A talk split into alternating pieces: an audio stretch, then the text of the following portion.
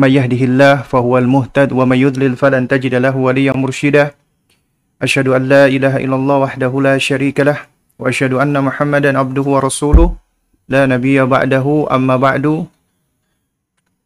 فإن أصدق الكلام كلام الله وأحسن الهدى هدى محمد صلى الله عليه وعلى آله وسلم وشر الأمور محدثاتها وكل محدثة بدعة وكل بدعة ضلالة وكل ضلالة في النار أما بعد uh, jamaah sekalian, para ikhwan dan akhwat, para ummahat dan aba, dan sahabat-sahabat, para pendengar Radio Muslim Jogja, di mana pun antum berada, Alhamdulillah, di pagi hari ini kita diperkenankan Allah Subhanahu wa taala untuk dapat bersua kembali melanjutkan lagi ya kajian kita yakni kita masih membahas uh, sebuah risalah yang bermanfaat ya yaitu ya ta'limus sibyan at-tauhid atau mengajarkan anak tauhid yang ditulis oleh Syekhul Islam Muhammad bin Abdul Wahab rahimahullahu taala. Dan uh, mungkin para jamaah sekalian sempat bertanya-tanya kok kajian kita sempat libur cukup lama ya? Dan ini semua dikarenakan uh, qadarullah wa masyafa'ala ya. Itu uh, apa namanya dari kawan-kawan ya yang berada di studio Radio Muslim ya sempat harus isolasi mandiri dulu ya. Dan juga uh, dengan sebab-sebab yang lainnya. Dan alhamdulillah Allah Subhanahu wa taala karuniakan kita kesehatan, kesempatan dan yang paling penting dari itu semua Allah karuniakan kita nikmat hidayah dan taufik sehingga kita dapat bersua kembali di kajian kita pada pagi hari ini. Baik, jamaah sekalian yang dimuliakan Allah Subhanahu wa taala, ya ini adalah pertemuan kita yang ke-29 ya. Setelah kita sebelumnya uh, telah membahas ya hakikat dakwah para nabi dan para rasul khususnya dakwahnya nabi kita Muhammad sallallahu alaihi wasallam ya yaitu uh, apa namanya Syekh rahimahullah taala ya menerangkan bahwasanya Allah Subhanahu wa taala ya uh, ba'athallahu taala ala ra'si arba'ina sanah ya Allah telah mengutus nabi kita Muhammad sallallahu alaihi wasallam di awal usia 40 tahun beliau. Ya. Kemudian diterangkan oleh Syekh fa uh, da'an nasa ilal ikhlas dan Nabi mendakwai manusia, mengajak manusia, menyeru manusia kepada ikhlas yaitu memurnikan ibadah hanya kepada Allah. Wa tarki ibadati ma siwallah nahwan min ishrinas sinina. Dan meninggalkan ibadah ya ibadah kepada selain Allah Subhanahu wa taala selama kurang lebih 20 tahun ya. Dan apa namanya lebih tepatnya ada 20 adalah 23 tahun ya uh, afwan ya. Uh, kurang lebih selama satu dasawarsa ya. Kurang lebih sekitar 10 lebih tepatnya 13 tahun ya. Kemudian thumma araja bihi ila samai wa faradu alaihi salawat al-khams ya. Kemudian Allah Subhanahu wa taala memirajkan nabi kita sallallahu alaihi wasallam ke atas langit kemudian memberikan kewajiban kepada beliau salat lima waktu. Min ghairi wasitatin bainahu wa bainallah. Tanpa ada perantara antara diri Rasulullah dengan Allah Subhanahu wa taala. Karena biasanya ya Nabi menerima perintah melalui perantaraan Nabi eh melalui perantaraan malaikat Jibril alaihissalam. Yang mana Jibril merupakan rasul dari bangsa malaikat ya. Kemudian ya amara ba'da dzalika bil hijrah kemudian Allah memerintahkan setelah itu untuk berhijrah. Fahajara ilal Madinah kemudian Nabi berhijrah ke Madinah. Wa amara bil jihad. Baru kemudian Allah memerintahkan ya Nabi untuk berjihad. Kemudian fajah fajahada fillahi haqqa jihadi nahwan min ishrina sini. Kemudian Nabi SAW berjihad dengan sebenar-benarnya jihad. Kurang lebih selama juga 10 tahun. Ya. hatta dakhala an-nas fi dinil fi dinillahi afwaja. Ya sampai manusia pun masuk ke dalam agama ini berbondong-bondong. Ya, falammat tammat thalatha wa situna sanah walhamdulillah. Kemudian ya setelah genap usia Nabi 63 tahun walhamdulillah ya apa namanya? Uh, Allah Subhanahu wa taala telah menyempurnakan agama Islam ini ya. Nama tamat dinu ya. Wa balagal balagh min ikhbarillahi ta'ala lahu biqabdihi salawatullah alaihim wasallam. Baru kemudian setelah itu Allah Subhanahu wa taala mengangkat beliau, mengambil beliau, mewafatkan beliau. Semoga salawat dan salam senantiasa terlimpahkan kepada beliau. Ini yang telah kita bahas di pertemuan yang lalu, yaitu Syekh Muhammad bin Abdul Wahab rahimahullah mengingatkan ya apa uh, kepada kita ya tentang ya perjalanan Nabi kita Muhammad sallallahu alaihi wasallam secara global ya dan dari sini kita bisa belajar bahwa ketika Rasulullah sallallahu alaihi wasallam diberikan wahyu oleh Allah Subhanahu wa taala maka yang pertama kali ya Allah Subhanahu wa taala perintahkan adalah mengembalikan manusia kepada tauhid, kepada fitrah, kepada Islam. Dan agar dan agar Nabi sallallahu alaihi wasallam ya itu mengingkari dan menolak berbagai macam kesyirikan yang merupakan kezaliman yang paling besar di muka bumi ini. Dan ini adalah pondasi. Ya. Nah, sebagaimana bangunan apabila kita hendak membangun maka kita harus membangun pondasinya dulu. Pondasinya adalah tauhid. Dan inilah yang diletakkan oleh baginda Nabi yang mulia alaihi salatu wassalam. Beliau membangun dakwahnya dengan tauhid dan mengajak manusia kepada tauhid yang merupakan tujuan Allah menciptakan kita semua manusia dan jin dan semua makhluk di muka bumi ini dalam rangka untuk mentauhidkan Allah Azza wa Jalla. Ya, dan dakwahnya Nabi Shallallahu Alaihi Wasallam ini ketika berdakwah tauhid itu penuh dengan ya cobaan-cobaan, penuh dengan rintangan-rintangan dan halangan-halangan. Bahkan yang yang menentang beliau adalah di antara keluarga-keluarga beliau sendiri. Para pembesar Quraisy. Ya, dan ini adalah cobaan. Di mana Nabi yang mulia alaihi wassalam pada saat beliau belum diutus menjadi nabi dan rasul, beliau disepakati atas kemuliaan dan sifat-sifatnya yang amanat. Tapi ketika Allah Azza wa Jalla ya berikan wahyu kepada beliau dan kemudian Allah perintahkan nabi untuk berdakwah, maka kita perhatikan bagaimana manusia Sebagian manusia mereka lebih mengedepankan hawa nafsu mereka dan lebih mendahulukan ajaran nenek moyang mereka. Dan mereka menolak ajakan Nabi yang mulia alaihi wassalam.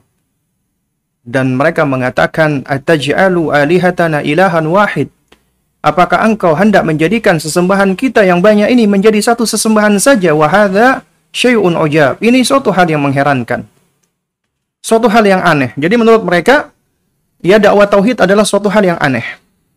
Dan inilah yang disabdakan oleh baginda Nabi yang mulia alaihi salatu wassalam.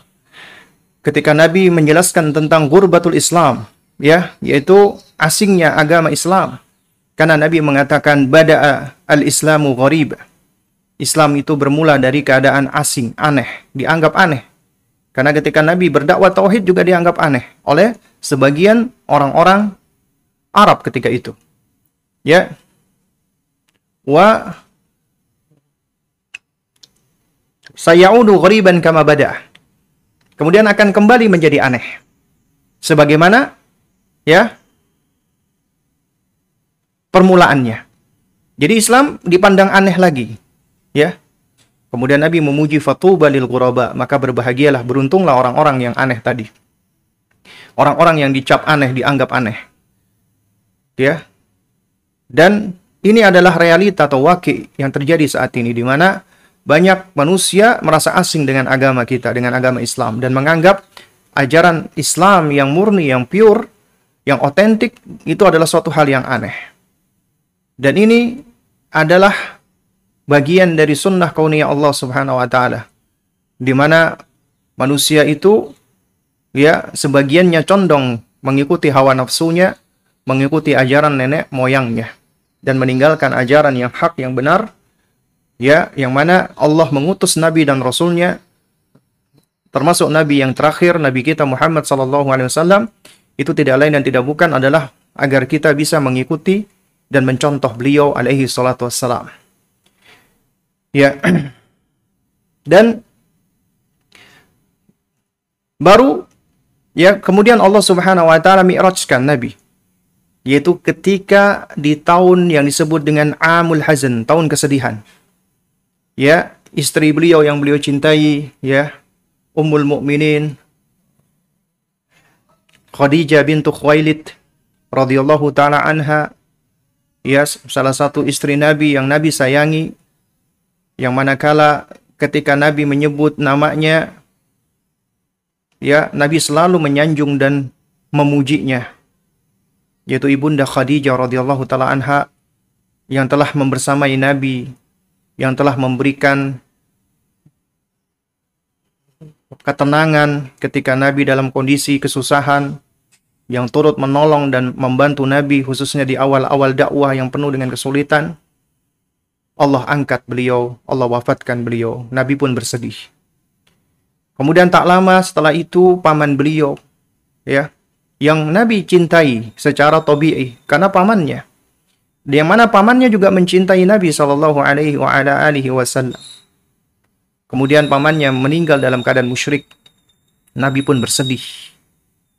Lalu kemudian juga kaum muslimin ketika itu dalam kondisi yang sulit. Mereka diboykot, diisolir, dihajar. Mereka disiksa. Ya. Lalu kemudian Allah berikan tasliyah, Allah berikan hiburan. Apa hiburannya? Allah Subhanahu wa taala perintahkan Nabi dan Allah perintahkan Jibril alaihissalam untuk menjemput Nabi dalam rangka untuk Isra dan Mi'raj.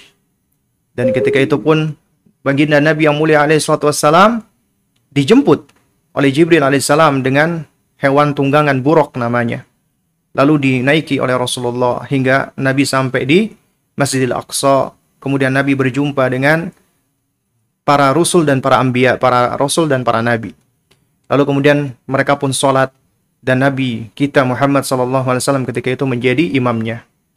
Kemudian Allah mi'rajkan Nabi kita yang mulia alaihissalam hingga sampai ke langit ketujuh, hingga sampai ke Sidratul Muntaha. Bersua dan berjumpa dengan Allah Subhanahu wa taala dan ini menunjukkan akidah ahlu sunnah. Allah Azza wa Jalla berada di atas di atas langit. Langit yang paling tinggi.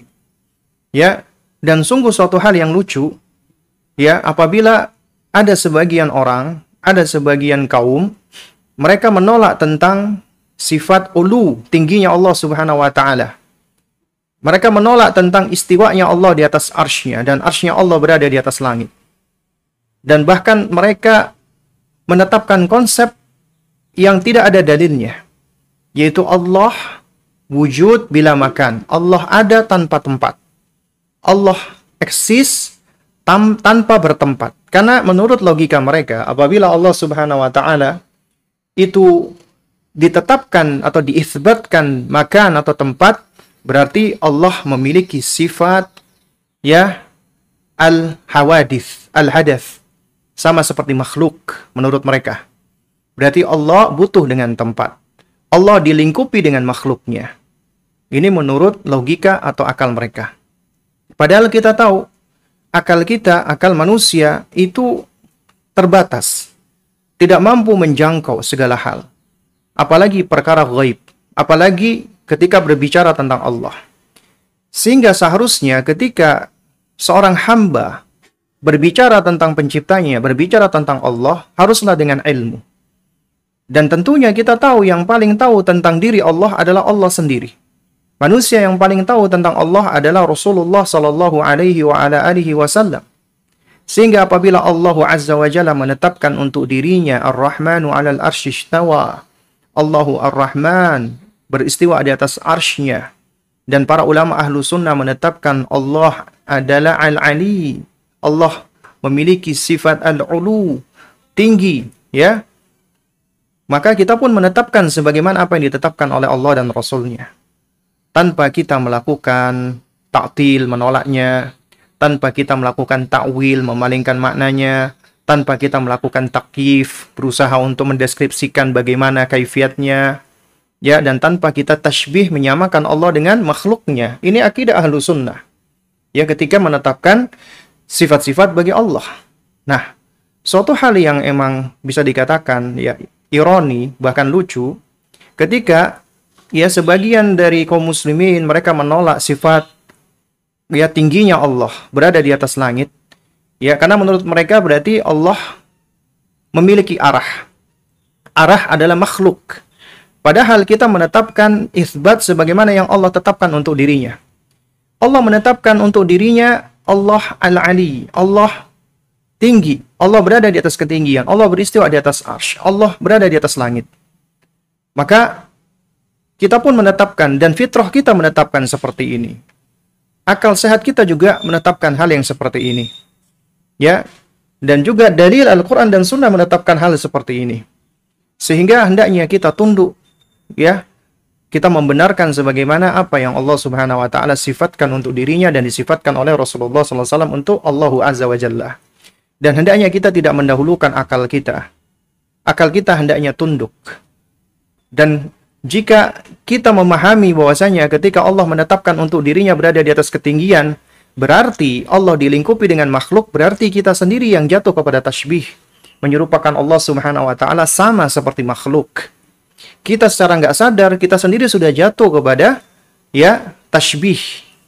Meskipun orang-orang ini mereka mengklaim melakukan takwil seperti ini, ya untuk menghindarkan dari tasbih, menyerupakan Allah dengan makhluk, tapi ternyata mereka sendiri tanpa sadar jatuh kepada tasbih. Dan yang aneh lagi, mereka membenarkan tentang Isra Mi'raj dan mereka merayakan peringatan Isra Mi'raj. Lantas bagaimana mereka bisa merayakan peringatan Isra Mi'raj sementara mereka menolak keyakinan Allah Azza wa Jalla berada di atas langit. Dan hadis-hadisnya ma'thur. Allah ya yakni memi'rajkan nabi kita yang mulia alaihi salatu wassalam. Dan hadisnya juga hadis yang yang marfu, hadis yang makbul, hadis tentang Isra Mi'raj di mana ketika itu Nabi sampai ke Sidratul Muntaha. Ya, ke langit yang paling tinggi dan Nabi jelaskan kondisinya di sana. Dan Nabi bersua dan berjumpa langsung dengan Allah. Langsung tanpa perantara. Dan memang ada khilaf di antara para ulama apakah Nabi berhasil melihat Allah ataukah tidak. Ya, namun Ibunda Aisyah radhiyallahu taala anha mengatakan Nabi tidak bisa melihat Allah Subhanahu wa taala dikarenakan ada cahaya yang apa namanya menutupi sehingga Nabi tidak bisa melihatnya. Dan ini ya bagian dari janji Allah bagi orang-orang yang beriman, bagi ahlul jannah, Allah akan berikan tambahan kenikmatan ketika bisa melihat dirinya. Karena tidak ada nikmat yang paling besar bagi seorang hamba ketika dia bisa bersua, berjumpa dan melihat penciptanya. Allah Subhanahu wa taala. Nanti kelak di surga. Nah, Nabi bersua dan berjumpa dengan Allah dan Allah perintahkan kepada Nabi tentang salat. Ya, salat adalah perintah langsung dari Allah kepada baginda Nabi yang mulia alaihi salatu wassalam. Dan jamaah sekalian yang dimuliakan Allah, ini merupakan salah satu dalil isbat tentang tingginya Allah. Allah beristiwa di atas arsy dan Allah berada di atas langit. Ya. Nah, sehingga siapa yang menyelisihi akidah ini berarti dia telah keliru. Entah dia meyakini bahwasanya Allah ada tanpa bertempat atau dia meyakini Allahu fi kulli makan, Allah berada di mana-mana padahal ya yang berada di mana-mana itu bukan zatnya Allah tapi ilmunya Allah. Ilmunya Allah, pengetahuannya Allah ada di mana-mana. Ya. Ilmunya Allah, pengetahuan Allah, tapi zatnya Allah tidak zatnya Allah ditetapkan berada di atas arsh sesuai dengan keagungan dan kemuliaannya. Ya. Dan ini adalah bagian dari akidah Ahlus Sunnah. Nah, lalu kemudian setelah Allah mi'rajkan Nabi sebagai bentuk tasliyah, hiburan, menghibur Nabi karena Allah bertemu dengan sahabat-sahabatnya para nabi dan rasul. Itu hiburan yang nyata. Dan Allah bersua dengan dan Rasulullah maksud saya bersua dengan Allah. Ya, jadi Rasulullah bersua dengan sahabat-sahabatnya para nabi dan rasul dan bersua dengan Allah dan mendapatkan hadiah dari Allah. Yaitu hadiah berupa ya sarana bagi kita manusia hamba-hamba Allah untuk bisa berkomunikasi dengan Allah yaitu salat agar bisa ya membangun komunikasi dengan Allah yaitu dengan cara salat ini adalah nikmat dari Allah. Merupakan karunia dari Allah. Dan juga mengandung ujian. Dikarenakan apa? Dikarenakan banyak orang-orang musyrikin yang menganggap nabi kita gila. Wa nas'alullah assalamu sebab menurut ilmu pengetahuan mereka saat itu nggak mungkin. Ya dalam satu malam seseorang bisa pulang pergi dari ya dari Mekah hingga ke Palestina kemudian naik di atas langit turun kemudian balik lagi dan akhirnya ini juga menjadi ujian bagi Nabi saw ya. Dan ujian bagi orang-orang yang beriman karena mereka harus membenarkan sesuatu yang saat itu tidak masuk akal. Namun orang-orang yang beriman di antaranya sahabat Nabi yang paling dekat ya yaitu Ibnu Abdullah Ibnu Abi Kuhafah lebih dikenal dengan nama siapa Abu Bakar radhiyallahu taala anhu adalah sosok yang pertama kali membenarkan beliau makanya beliau digelari dengan gelar As-Siddiq radhiyallahu taala anhu ya baru kemudian setelah itu Allah Subhanahu wa taala perintahkan beliau untuk hijrah setelah sebelumnya Nabi sudah memerintahkan sebagian sahabatnya untuk hijrah ke Habasyah, Ethiopia.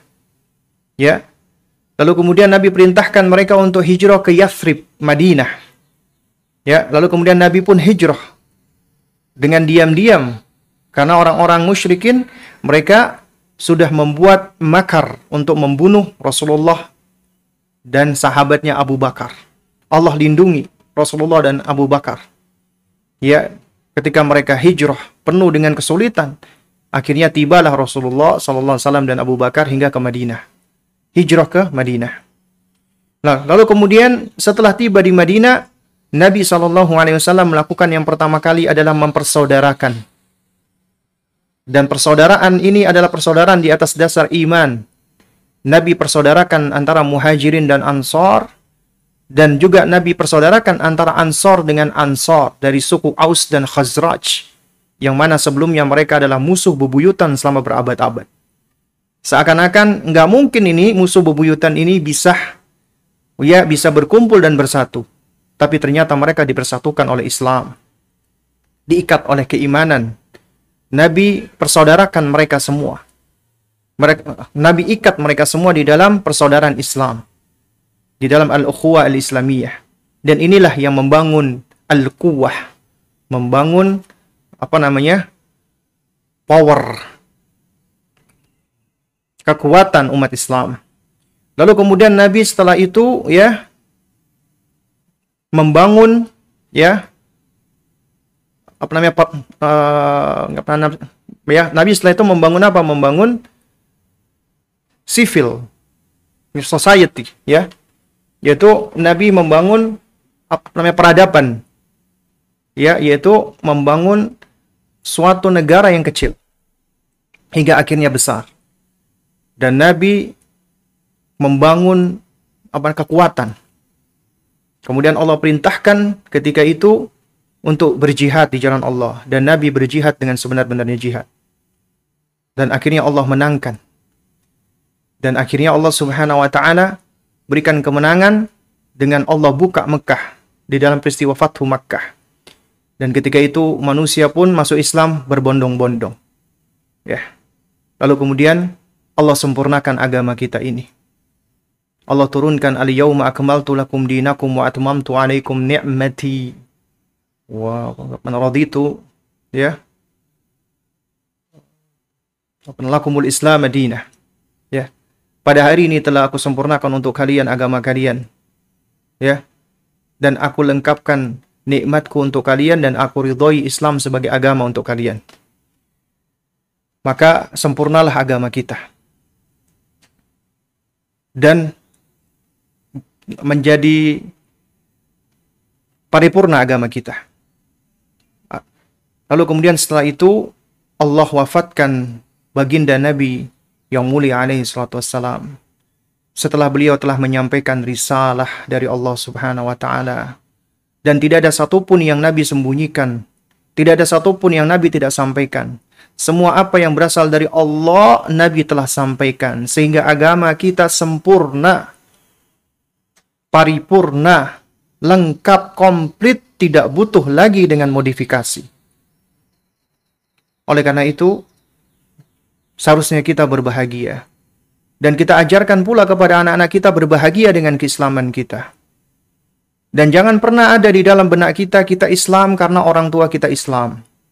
Islam keturunan. Tidak ada Islam keturunan. Ya. Karena kita semua dilahirkan sudah dalam kondisi Islam. Karena fitrah kita adalah berada di atas Islam. Ketika Nabi yang mulia alaihi salatu wassalam bersabda, Kullu mauludin yuladu ala fitrati, fa'abawahu yuhawidanihi wa yunasiranihi wa yumajjisanihi. Setiap anak, setiap bayi, semuanya dilahirkan berada di atas fitrah. Tapi kedua orang tuanya menjadikan dia Yahudi, Nasrani, atau Majusi. Al-fitratu Kata fitrah di sini kata Al-Imam An-Nawawi rahimahullahu taala ya setelah beliau menerangkan sejumlah varian-varian pendapat para ulama beliau berkesimpulan wal wal asah minhu pendapat yang paling sahih dari makna tentang fitrah ya adalah anna kulla mauludin yuladu mutahayyan lil Islam. Bahwasanya setiap anak yang dilahirkan sudah membawa kecondongan kepada Islam. Ya dan ini yang diterangkan oleh para ulama.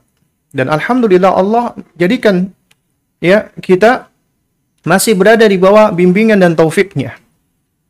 Allah masih izinkan kita berada di atas Islam. Ini nikmat dari Allah yang harus dijaga. Dan dan kita sering kali mendengarkan ketika khutbah, khutbah Jumat dan yang selainnya, khatib selalu mengingatkan wala tamutunna illa wa antum muslimun, yaitu mengutip dari Al-Qur'anul Karim yang juga merupakan wasiat dari Allah. Janganlah kalian wafat, janganlah kalian meninggal kecuali dalam keadaan muslim. Dalam keadaan kalian berserah diri kepada Allah, submit kepada Allah. Mentauhidkan Allah Subhanahu wa taala. Karena Islam itu sejatinya adalah tauhid. Wala tamutunna illa wa antum muslimun.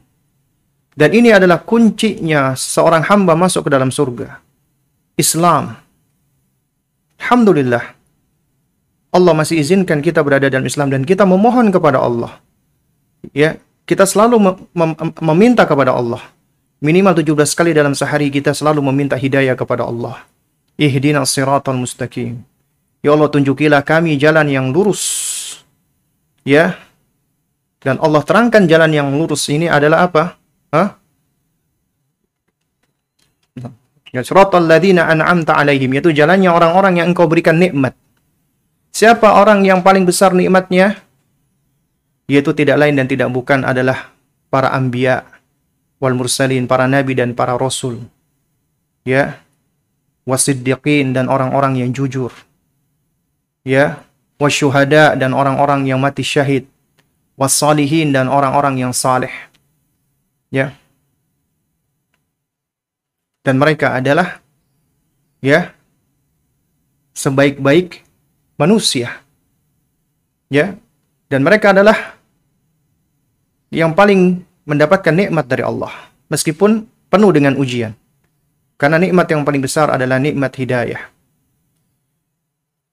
Dan kita meminta kepada Allah agar kita diberikan petunjuk ke jalan yang benar, jalannya para nabi, jalannya para rasul, jalannya para siddiqin, jalannya para syuhada dan jalannya para salihin. Ya. Dan bukan jalannya al-maghdubi alaihim yang dimurkai oleh Allah, Yahudi, Yahudi dimurkai oleh Allah karena mereka arfal haqq, tahu kebenaran, tapi nggak mau melaksanakan kebenaran. Punya ilmu tapi nggak mau mengamalkan ilmu. Allah marah dan murka kepada mereka. Ilmu hanya menjadi wacana, ilmu hanya menjadi koleksi. Waladhalin dan juga bukan jalannya orang-orang yang tersesat. Orang-orang Nasrani. Mereka semangat beramal, semangat beribadah, tapi nggak punya ilmu. Ternyata Allah Azza wa Jalla sebagaimana dikatakan oleh para ulama memiliki dua hidayah. Hidayatu ilal ilmi wa hidayatu ilal amali. Petunjuk Allah kepada ilmu dan petunjuk Allah kepada amal. Alhamdulillah Allah jadikan orang-orang Islam Allah berikan petunjuk kepada ilmu dan amal sehingga menghimpun ilmu dan amal. Dan mereka yang tidak mendapatkan hidayah ilmu, semangat beramal, tersesat. Dan siapa yang Allah berikan hidayah ilmu, tapi tidak Allah berikan hidayah beramal, maka menjadi orang yang dimurkai Allah. Nah karena itu, ini nikmat Allah yang harus dijaga dan dipelihara. Dan cara menjaganya adalah dengan kita senantiasa mensyukurinya dan di antara cara mensyukurinya adalah dengan apa? Kita memeliharanya dengan terus belajar menuntut ilmu. Karena ilmu, khususnya ilmu yang bermanfaat yang berangkat dari Al-Quran dan Sunnah, itulah yang akan menjadi sebab kita memperoleh hidayah Allah Subhanahu wa Ta'ala. Jemaah sekalian yang dimuliakan Allah Subhanahu wa Ta'ala. Ini menunjukkan agama kita adalah agama yang sempurna. Tidak membutuhkan penambahan, tidak membutuhkan pengurangan. Agama kita agama yang paripurna, nggak perlu lagi modifikasi. Oleh karena itu kita ajarkan kepada anak-anak kita ya, kita bersyukur kepada Allah atas agama ini. Jadikan mereka bangga dengan agamanya.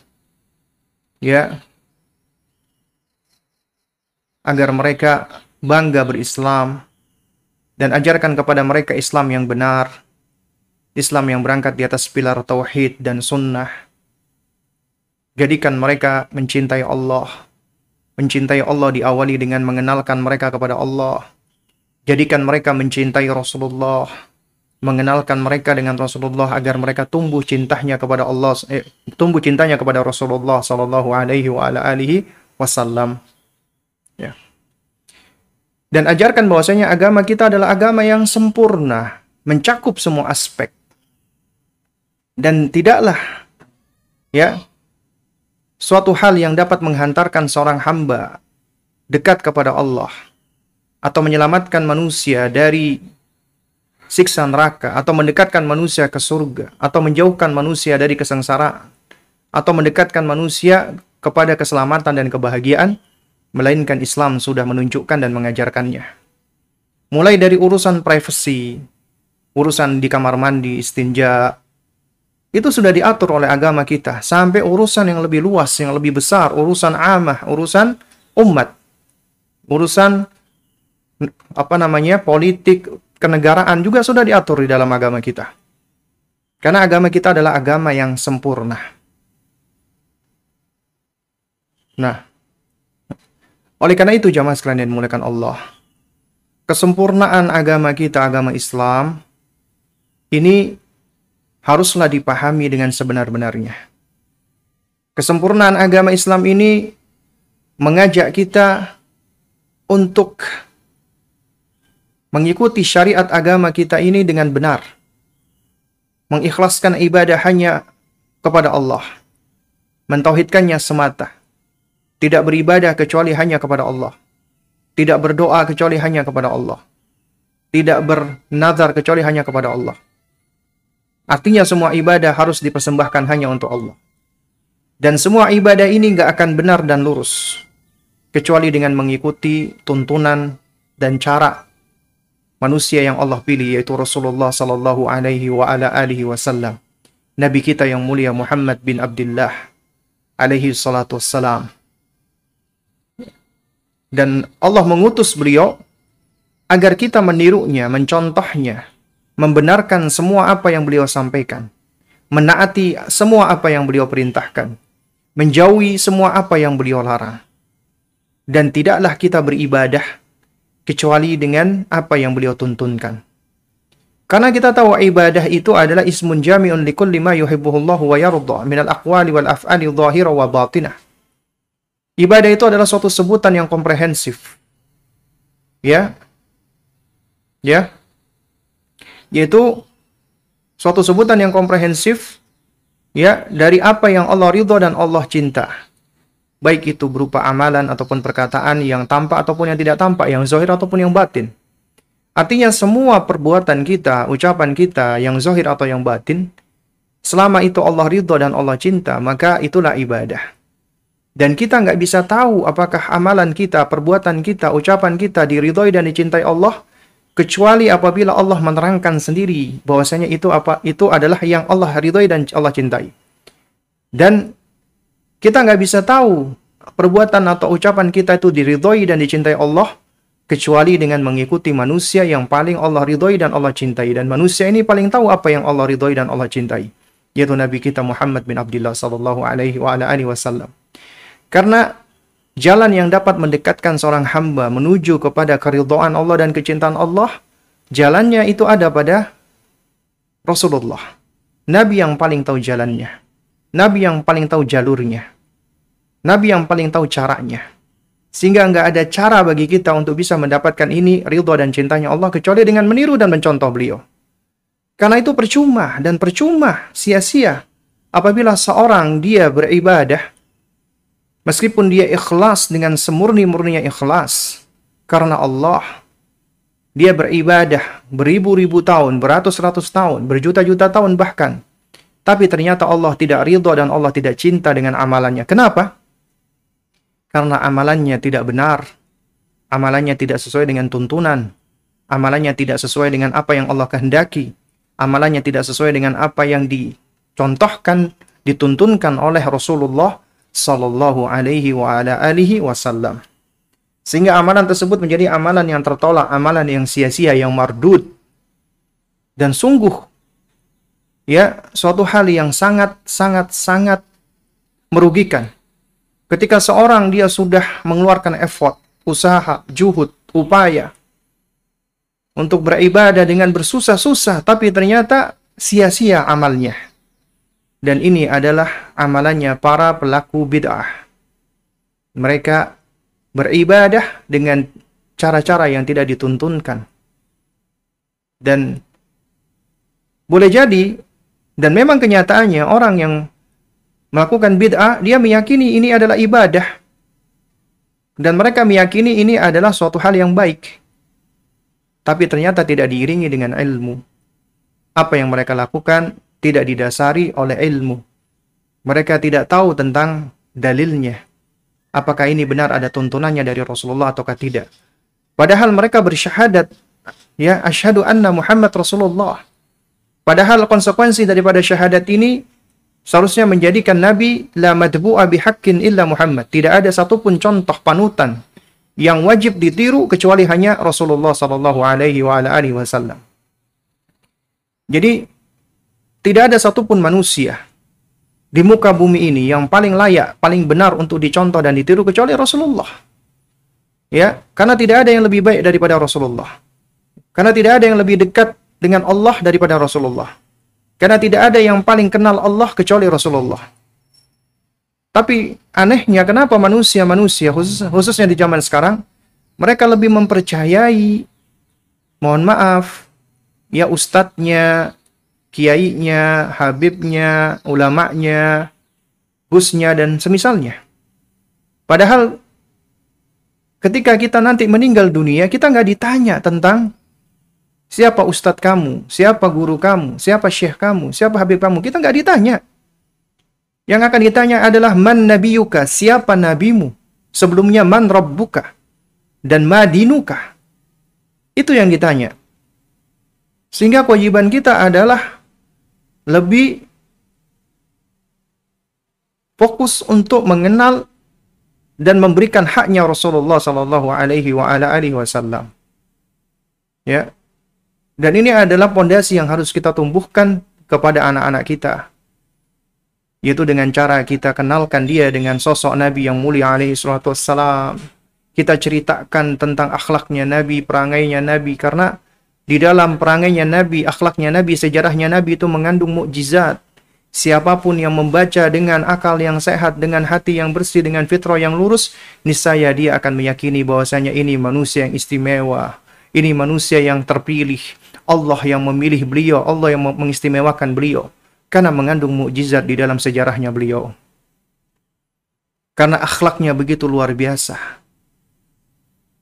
Dan inilah yang menghasung kita untuk mencintai beliau, meniru beliau, mencontoh beliau, ngefans sama beliau dan mudah-mudahan Allah Subhanahu wa taala membangkitkan kita dengan mereka orang-orang yang kita ngefans dengannya.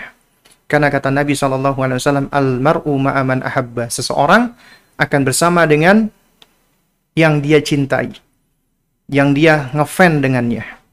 Seharusnya kita tumbuhkan agar anak kita ngefan dengan Rasulullah. Dan juga ngefan dengan orang-orang yang dipuji oleh Rasulullah, para sahabatnya yang dekat dengan Rasulullah. Yang mengambil ilmu dari Rasulullah. Yang membersamai Rasulullah. Yang menyampaikan ilmu dari Rasulullah. Para sahabat Nabi ridwanullah alaihim ajmain. Ya. Baik, jamaah sekalian yang dimuliakan Allah Subhanahu wa taala. Kemudian Syekh Muhammad bin Abdul Wahab rahimahullahu taala beliau melanjutkan menjelaskan tentang wa awwalur rusul. Ya Rasul pertama adalah Nuh alaihissalam. Rasul yang pertama adalah Nabi Nuh alaihissalam. Ya, wa akhiruhum Muhammad sallallahu alaihi wa ala alihi wasallam dan yang terakhir dari para rasul adalah nabi kita Muhammad sallallahu alaihi wasallam mimma qala ta'ala ya, sebagaimana yang Allah firmankan inna auhayna ilaika kama auhayna ila nuhin wan nabiyyina min ba'di ya sesungguhnya kami telah wahyukan kepadamu wahai Muhammad sebagaimana telah kami wahyukan kepada Nuh dan para nabi setelahnya dan ini menunjukkan Ya, sebagaimana disebutkan oleh Syekh Muhammad bin Shalih Al-Utsaimin rahimahullahu taala di dalam Syarah Al-Usul Tsalatsa bahwasanya ya suatu hal yang keliru, pendapat yang keliru ketika menyebutkan bahwasanya Nabi Idris adalah nabi se apa sebelum Nabi Nuh. Ya. Dan kalau kita perhatikan ya tentang hafalan anak-anak ya hafalan para nabi disebutkan Adam, Idris, Nuh ya jadi sebutkan Idris dulu. Padahal Idris itu adalah nabi dari Bani Israel menurut pendapat yang rajih. Ya dari Bani Israel. Dan kita tahu Bani Israel itu adalah keturunannya Ishak alaihissalam setelah Nabi Ibrahim. Ya. Nah sehingga ini kata Syekh Utsaimin adalah pendapat yang kurang tepat. Karena Rasul pertama adalah Nabi Nuh alaihissalam. Ya beliau adalah Nabi dan Rasul pertama. Ya. Karena kesyirikan pertama kali muncul di zamannya Nabi Nuh. Sebelumnya tidak ada kesyirikan yang ada kemaksiatan. Tapi kesyirikan pertama kali muncul di kaumnya Nabi Nuh alaihissalam. Ya. Nah, oleh karena itu, Rasul yang pertama kali Allah utus adalah Nabi Nuh. Dalilnya adalah surat An-Nisa ayat 163 ini. Yaitu inna auhayna ilaika kama auhayna ila Nuhi ya wan nabiyina min ba'di. Ya, sesungguhnya kami telah wahyukan kepada wahai Muhammad sebagaimana telah kami wahyukan kepada Nuh dan para nabi setelahnya. Dan kemudian Allah juga berfirman wa ma Muhammadun illa rasul. Dan tidaklah Muhammad itu melainkan hanyalah utusan Allah, Rasulullah. Dan ini adalah pengistimewaan Allah ya kepada sosok Nabi kita Muhammad bin Abdullah SAW. Karena Allah pilih beliau. Makanya beliau disebut dengan Al-Mustafa, the chosen one. Allah pilih secara eksklusif. Karena Allah lihat dan Allah adalah yang maha mengetahui dari hamba-hambanya siapa yang paling bersih dan suci hatinya. Maka Allah lihat yang paling suci dan bersih hatinya adalah Muhammad bin Abdullah sallallahu alaihi wasallam. Sehingga Allah pilih beliau dan Allah jadikan beliau utusannya. Ya. Kemudian juga Allah Subhanahu wa taala ya berfirman ya Makana Muhammadun aba ahadin min rijalikum Muhammad itu sekali-kali bukanlah bapak dari seorang laki-laki di antara kamu. Ya. Walakin Rasulullah. Akan tetapi dia adalah Rasulullah. Wa khataman nabiyyin dan penutup para nabi. Wa kana Allah bikulli syai'in alimah, ya. Dan Allah adalah mengetahui segala sesuatu. Jadi ayat ini menunjukkan bahwasanya nabi kita itu bukanlah bapak dari seorang laki-laki di antara kalian. Dan ini juga menunjukkan bahwasanya Nabi kita memiliki anak laki-laki tapi semuanya wafat ketika masih kecil. Ini adalah hikmah Allah Azza wa Jalla. Ketika Allah mewafatkan keturunan Rasulullah Sallallahu Alaihi Wasallam yang laki-laki. Ini hikmah Allah. Ya. Dan ya jamaah sekalian, kalau kita mengetahui dan melihat kondisi manusia, apalagi umat Islam saat ini yang mudah mengkultus-kultuskan, ya kalau sekiranya ada keturunannya Rasulullah laki-laki yang masih hidup, maka nasabnya adalah langsung kepada Rasulullah. Karena nasab itu ada pada laki-laki. Dan ini tentunya akan menimbulkan pengkultusan yang luar biasa. Dan Nabi kita mengingkari pengkultusan-pengkultusan seperti ini. Kita wajib mencintai Nabi kita. Kita wajib memuliakan beliau dan keturunan beliau. Tapi kita nggak boleh sampai berlebihan. Apalagi sampai mengkultuskan. Dan menganggap maksum. Atau apa namanya sampai kita ya uh, sa apa sampai kita seakan-akan merendahkan dan menghinakan diri kita. Ya. Taib, jamaah sekalian yang dimuliakan Allah Subhanahu wa taala. Ya. Lalu kemudian ya Syekhul Islam Muhammad bin Abdul Wahab rahimahullahu taala menyebutkan ya wa afdhalur rusul nabiyuna Muhammad sallallahu alaihi wasallam. Seutama-utama, sebaik-baik dan semulia-mulia rasul adalah nabi kita Muhammad sallallahu alaihi wasallam. Kemudian wa afdhalul bashar ba'dal anbiya sallallahu alaihi wasallam dan sebaik-baik manusia setelah para nabi sallallahu alaihi wa ala ya sallallahu alaihi wasallam adalah Abu Bakar radhiyallahu taala anhu. Abdullah ibnu Abi Kuhafah. Ya sahabat dekatnya Nabi yang mulia alaihi salatu wassalam. Orang dewasa yang pertama kali masuk Islam. Baru kemudian Umar ibnu Khattab radhiyallahu taala anhu Al-Faruq yang mana kata Abdullah ibnu Mas'ud kana islamuhu fatahan lil Islam ya Islamnya Umar radhiyallahu taala itu adalah pembuka kemenangan Islam.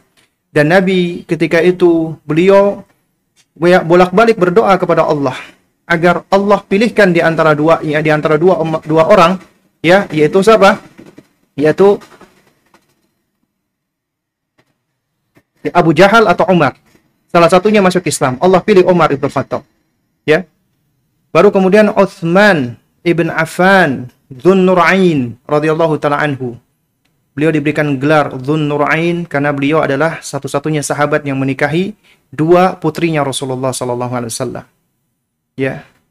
Baru kemudian Ali radhiyallahu taala anhu ya sepupunya Nabi yang mulia alaihi salatu wasallam sekaligus menantunya beliau yang menikahi putri Nabi yang mulia Fatimah bintu Rasulullah radhiyallahu taala anha.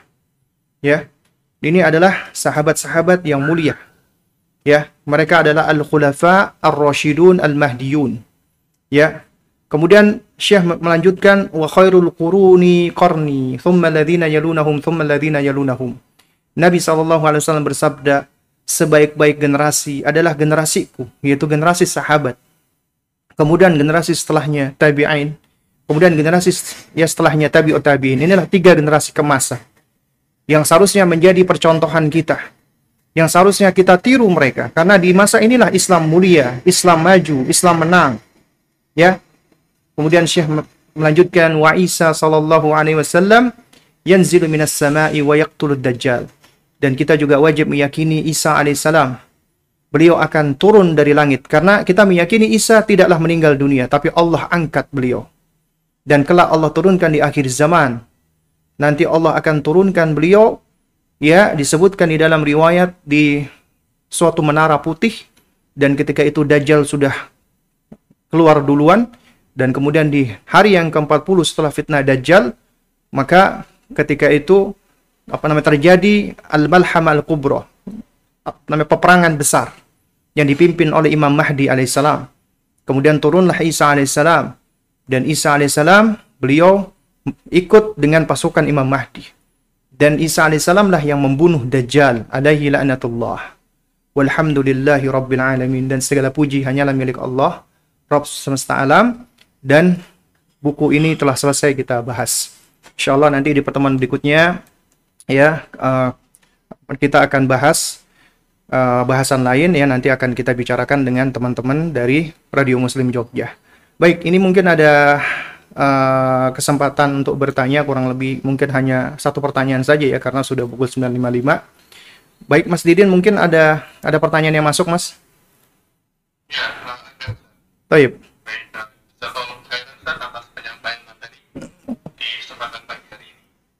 Oh, jazakallah khair.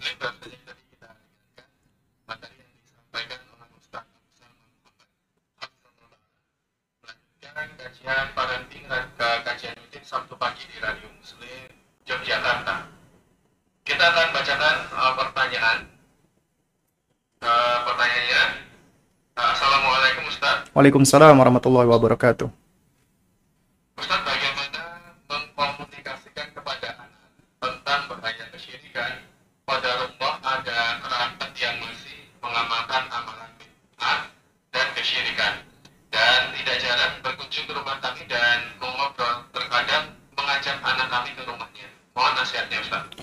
Toib ya, jamaah sekalian yang muliakan Allah Subhanahu wa taala ya. Jadi pertama kali yang perlu kita tumbuhkan di dalam diri anak adalah bahwasanya dirinya adalah hamba Allah Subhanahu wa taala dan dirinya adalah ciptaan Allah Subhanahu wa taala. Semua apa yang ada di dalam dirinya adalah titipan dari Allah Subhanahu wa taala dan dia harus ya bersyukur kepada Allah. Artinya kita mengenalkan Allah sebagai Robnya. Rob artinya pencipta. Rob artinya pemilik dan penguasa. Dan Rob artinya apa namanya pengatur, ya. Jadi ini untuk untuk apa? Untuk uh, menekankan bahwasanya ya dirinya dan apa yang ada di sekitarnya alam semesta adalah ciptaan Allah. Sehingga kewajiban kita adalah beribadah hanya kepada Allah. Dan kita ikuti caranya Luqman alaihissalam ketika mendidik anaknya. Nasihat Luqman pertama kali adalah ya bunayya la tusyrik billah inna syirka la dzulmun adzim. Nak, janganlah kamu menyekutukan Allah karena menyekutukan Allah termasuk kezaliman yang paling besar. Dan ini adalah perkara penting yang pertama kali harus kita tanamkan kepada anak-anak kita. Ya, dan ini adalah imunitas yang paling pertama dan yang paling utama dan yang paling penting yang harus kita tumbuhkan. Ya, yaitu masalah tauhid. Ya, dan insya Allah dengan kita ajarkan mereka tauhid, ya, dengan izin Allah ini akan menjadi imunitas. Karena imunitas yang paling kuat adalah ba'dal iman setelah keimanan. Ya, ini yang harus kita ajarkan kepada mereka. Nah, oleh karena itu, ya, jika kita mengacu kepada metodenya Luqman alaihissalam, ya, yang pertama adalah tauhid, yang kedua adalah muraqabah. Ajarkan mereka sejumlah asmaul husna, nama-nama Allah seperti As-Sami, Al-Basir, Al-Alim. Allah Maha melihat, Maha mendengar, Maha mengetahui, ya. Artinya tidak ada satupun dari apa yang kita lakukan kecuali Allah melihat, mengetahuinya dan Allah akan membalasnya. Ini akan menimbulkan muraqabah. Ini juga termasuk sarana kita untuk membentuk imunitas. Kemudian nasihat Luqman yang berikutnya adalah ibadah, di antaranya salat, ya. Kemudian amar ma'ruf nahi mungkar. Nah, ini adalah poin penting karena amar ma'ruf nahi mungkar termasuk cara untuk menguatkan imunitas secara aktif, ya. Nah, oleh karena itu, jika anak-anak kita kita didik seperti ini, maka dia akan menjadi sosok yang berani. Ketika melihat ada kerabatnya, ya, dia akan berani untuk untuk mengingkari. Ini bagian dari amar ma'ruf nahi mungkar. Bahkan kita sebagai orang tua pun juga wajib untuk mengingkari semampu kita, apalagi itu masalah kesyirikan. Ya. Meskipun dia keluarga kita yang ataupun kerabat kita, karena konsekuensi dari cinta kita, sayang kita kepada kerabat kita, apabila dia jatuh kepada kesalahan harus diingatkan. Dinasehati, nggak boleh dibiarkan. Nggak boleh kita alasan sungkan, entar nanti berantem, entar nanti nggak enak. Nggak boleh, harus kita ingatkan. Ya, kita ingatkan dengan cara baik-baik. Ya, itu adalah konsekuensi dari cinta. Kalau kita sayang sama saudara kita, kita nggak kepengen dia jatuh kepada keburukan. Kita menginginkan kebaikan sebagaimana kebaikan untuk diri diri kita. Nah juga demikian kita tanamkan ini apa kepada anak kita agar mereka pertama tidak terpengaruh dan yang kedua mereka yang dengan uh, dengan inisiatifnya akan mengingkari kemungkaran tersebut. Ya. Jadi kita kadang-kadang sebagai orang tua merasa khawatir, takut takut nanti dimusuhi, takut dicemooh, takut dikatakan radikalis, takut dikatakan fundamentalis, takut dikatakan ini dan itu. Padahal kita itu tidak ditentukan oleh perkataan orang, ucapan orang, anggapan orang. Tapi kita hanya mencari pandangan Allah. Kita hanya melihat ya apa namanya pandangan Allah Subhanahu Wa Taala, tidak pandangan manusia. Ya. Nah jadi kita harus menguatkan akidah ini kepada anak kita dan kita sendiri pun juga harus mencontohkan untuk untuk berani mengingkari ya apalagi dalam masalah kesyirikan ya Karena ini adalah perkara yang paling besar. Ini kaitannya sama haknya Allah. Haknya Allah lebih didahulukan daripada haknya kerabat, daripada haknya saudara, daripada haknya orang tua, daripada haknya siapa pun di muka bumi ini. Haknya Allah lebih didahulukan. Dan kesyirikan adalah kezaliman yang paling besar. Meskipun dia mungkin tampak baik, suka menolong kita, membantu kita, mengunjungi kita, ramah dengan kita, tapi itu semua akan sia-sia apabila dia melakukan kezaliman yang paling besar, dia melanggar haknya Allah. Itu akan sia-sia. Percuma semua kebaikan-kebaikan itu. Mungkin oke, mungkin taruhlah paling banter dia hanya mendapatkan maslahat di dunia. Tapi di akhirat dia nggak akan mendapatkan apa-apa. Kan kasihan. Oleh karena itu makanya inilah peran kita untuk mengingatkan, menasehati mendakwai dia dengan cara baik-baik. Dan kewajiban kita cuma menyampaikan. Ya, selebihnya serahkan kepada Allah. Karena dia mau terima atau enggak, itu haknya Allah. Yang penting kita sampaikan. Dan kita tetap bermuamalat baik dalam hal-hal duniawi. Ya, namun kalau udah dalam hal-hal yang sifatnya mengandung uh, unsur-unsur uh, bid'ah dan syirik, maka kita berlepas diri darinya. Wallahu ta'ala a'lam.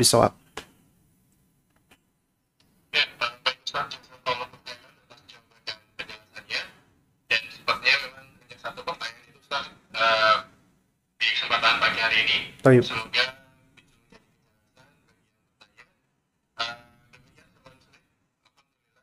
saja kita simak dan dengarkan kajian rutin Sabtu pagi bersama Ustaz Muhammad Sekali kita ucapkan